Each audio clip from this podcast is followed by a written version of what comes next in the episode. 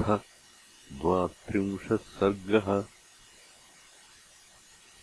सीतायाः शोकः।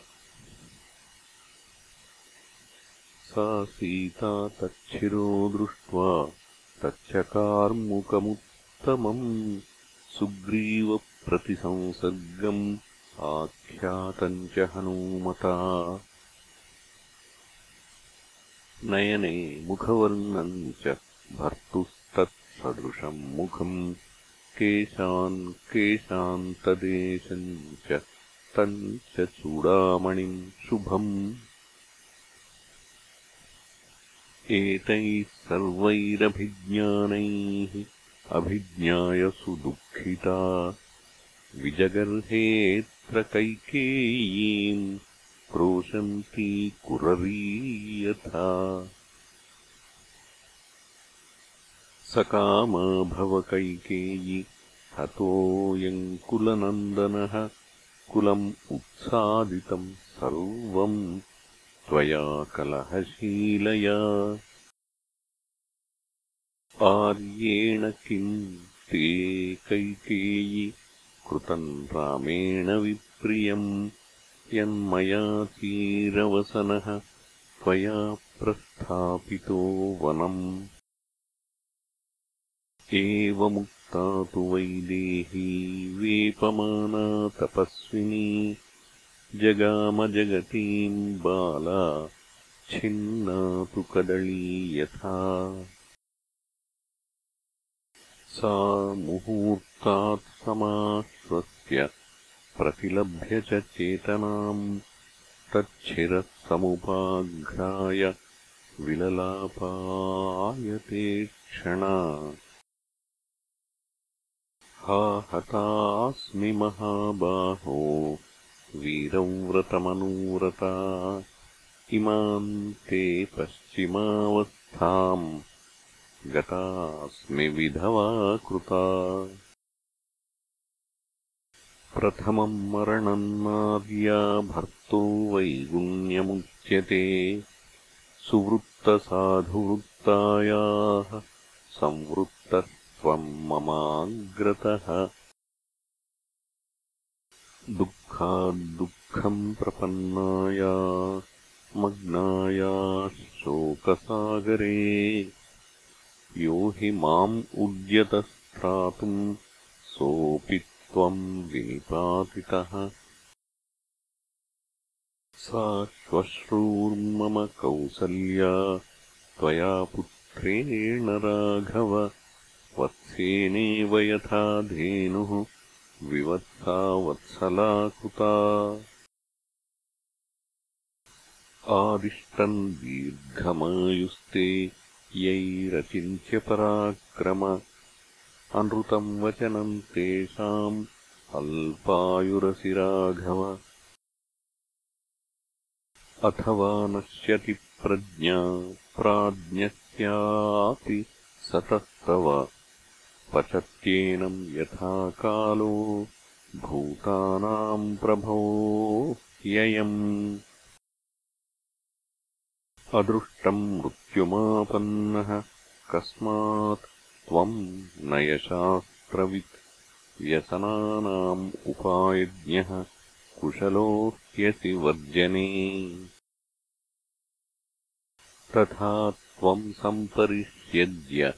रौद्रयातिनृशंसया कालरात्र्या ममाच्छिद्य हृतः कमललोचन। उपशेषे महाबाहो माम् विहाय तपस्विनीम् प्रियामिव समाश्लिष्य पृथिवीम् पुरुषर्षभ। अर्चितम् सततम् यत्तत् गन्धमाल्यैर्मया तव इदम् ते मत्प्रियम् वीरधनुः काञ्चनभूषणम्। पित्रा दशरथेन त्वम् श्वशुरेण ममानघ सर्वैश्च पितृभिः सार्धम् नूनम् स्वर्गे समागतः दिवि नक्षत्रभूतस्त्वम् महत्कार्यकरस्त्वया कर्मकृताम् प्रियम् पुण्यम् राजर्षिवंशम् त्वम् आत्मनः समुपेक्षसे किम् माम् न प्रेक्षसे राजन्? किम् माम् न प्रतिभाषसे? बालाम् बाल्येन सम्प्राप्ताम् भार्याम् माम् सहचारिणीम् संश्रुतम् गृह्णता पाणिम् चरिष्यामीति यत् त्वया स्मरतन् मम काकुत्थ नय मामपि दुःखिताम् कस्मान्माम् अपहाय त्वम् गतो गतिमताम् वर अस्माल्लोकादमुम् लोकम् त्यक्त्वा मामपि दुःखिताम्। कल्याणैरुचितम् यत्तत् परिष्वक्तम् मयैव तु। क्रव्यादैस्तच्छरीरम् ते नूनम् विपरिकृष्यते। अग्निष्टोमादिभिर्यज्ञैः इष्टवान् आप्तदक्षिणैः अग्निहोत्रेण संस्कारम् केन त्वम् तु न लप्स्यसे।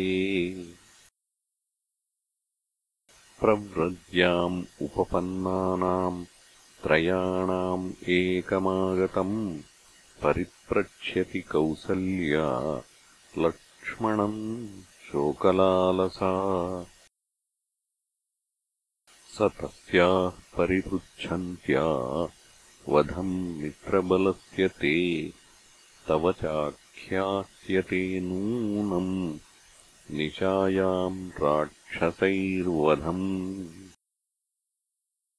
सा त्वाम् सुप्तम् हतम् श्रुत्वा माम् च रक्षो गृहम् गताम्। हृदयेनावदीर्णेन न भविष्यति राघव। मम हेतोरनार्याया यनर्हः पार्थिवात्मज। रामः सागरमुत्तीर्य सत्त्ववान् गोष्पदेहतः। अहम् दाशरथेनोढा मोहात् स्वकुलपांसनी आर्यपुत्रस्य रामस्य भार्या मृत्युरजायत। नूनमन्याम् मया जातिम् वारितम् दानमुत्तमम् याहमद्येह शोचामि भार्या सर्वातिथेरपि। साधुपातय माम् क्षिप्रम् रामस्योपरि रावण समानयपतिम् पत्न्या कुरु कल्याणमुत्तमम् शिरसा मे शिरश्चास्य कायम् कायेन योजय रावणानुगमिष्यामि गतिम् भर्तुर्महात्मनः। मुहूर्तमपि नेच्छामि जीवितुम् पापजीविता श्रुतम् मया वेदविदाम् ब्राह्मणानाम् पितुर्गृहे। यासाम् स्त्रीणाम् प्रियो भर्ता तासाम् लोका महोदयाः। क्षमा यस्मिन् दमस्त्यागः सत्यम् धर्मः कृतज्ञता। अहिंसा चैव भूतानाम् तम् ऋते कागतिर्मम। इति सा दुःखसन्तप्ता विललापायते क्षणा। भर्तुः शिरोधनुस्तत्र समीक्ष्य च पुनः पुनः। एवम् लालप्यमानायाम् सीतायाम् तत्र राक्षसः अभिचक्रामभर्तारम् अनीकस्थः कृताञ्जलिः। विजयस्यार्यपुत्रेति सोऽभिवाद्यप्रसाद्य च न्यवेदयदनुप्राप्तम् प्रहस्तम् वाहिनीपतिम्। अमात्यैः सहितैः सर्वैः प्रहस्तः समुपस्थितः तेन दर्शनकामेन वयम् प्रस्थापिताः प्रभो। नूनमस्ति महाराज राजभावात् क्षमान्वितम्। किञ्चिदात्यैकम् कार्यम् तेषाम् त्वम् दर्शनम् कुरु। एतच्छ्रुत्वा दशग्रीवो राक्षसप्रतिवेदितम् अशोकवनिकान् त्यक्त्वा मन्त्रिणाम् दर्शनम् ययौ। स तु सर्वम् समर्थ्यैव। मन्त्रिभिः कृत्यमात्मनः।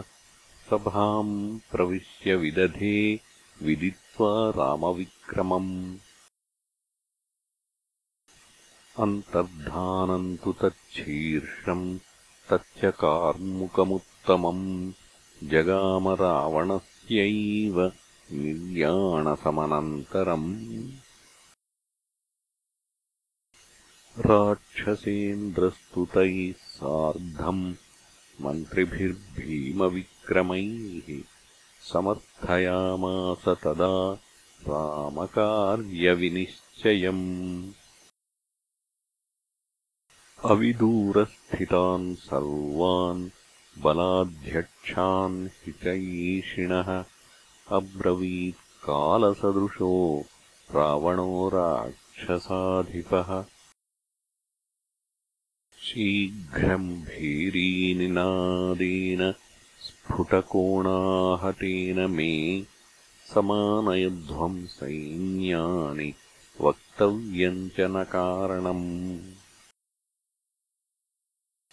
ततस्तथेति प्रतिगृह्य तद्वचो। बलाधिपास्ते महदात्मनो बलम्। समानयंश्च चैव समागमम् च ते। न्यवेदयन् भर्तरि युद्धकाङ्क्षिणि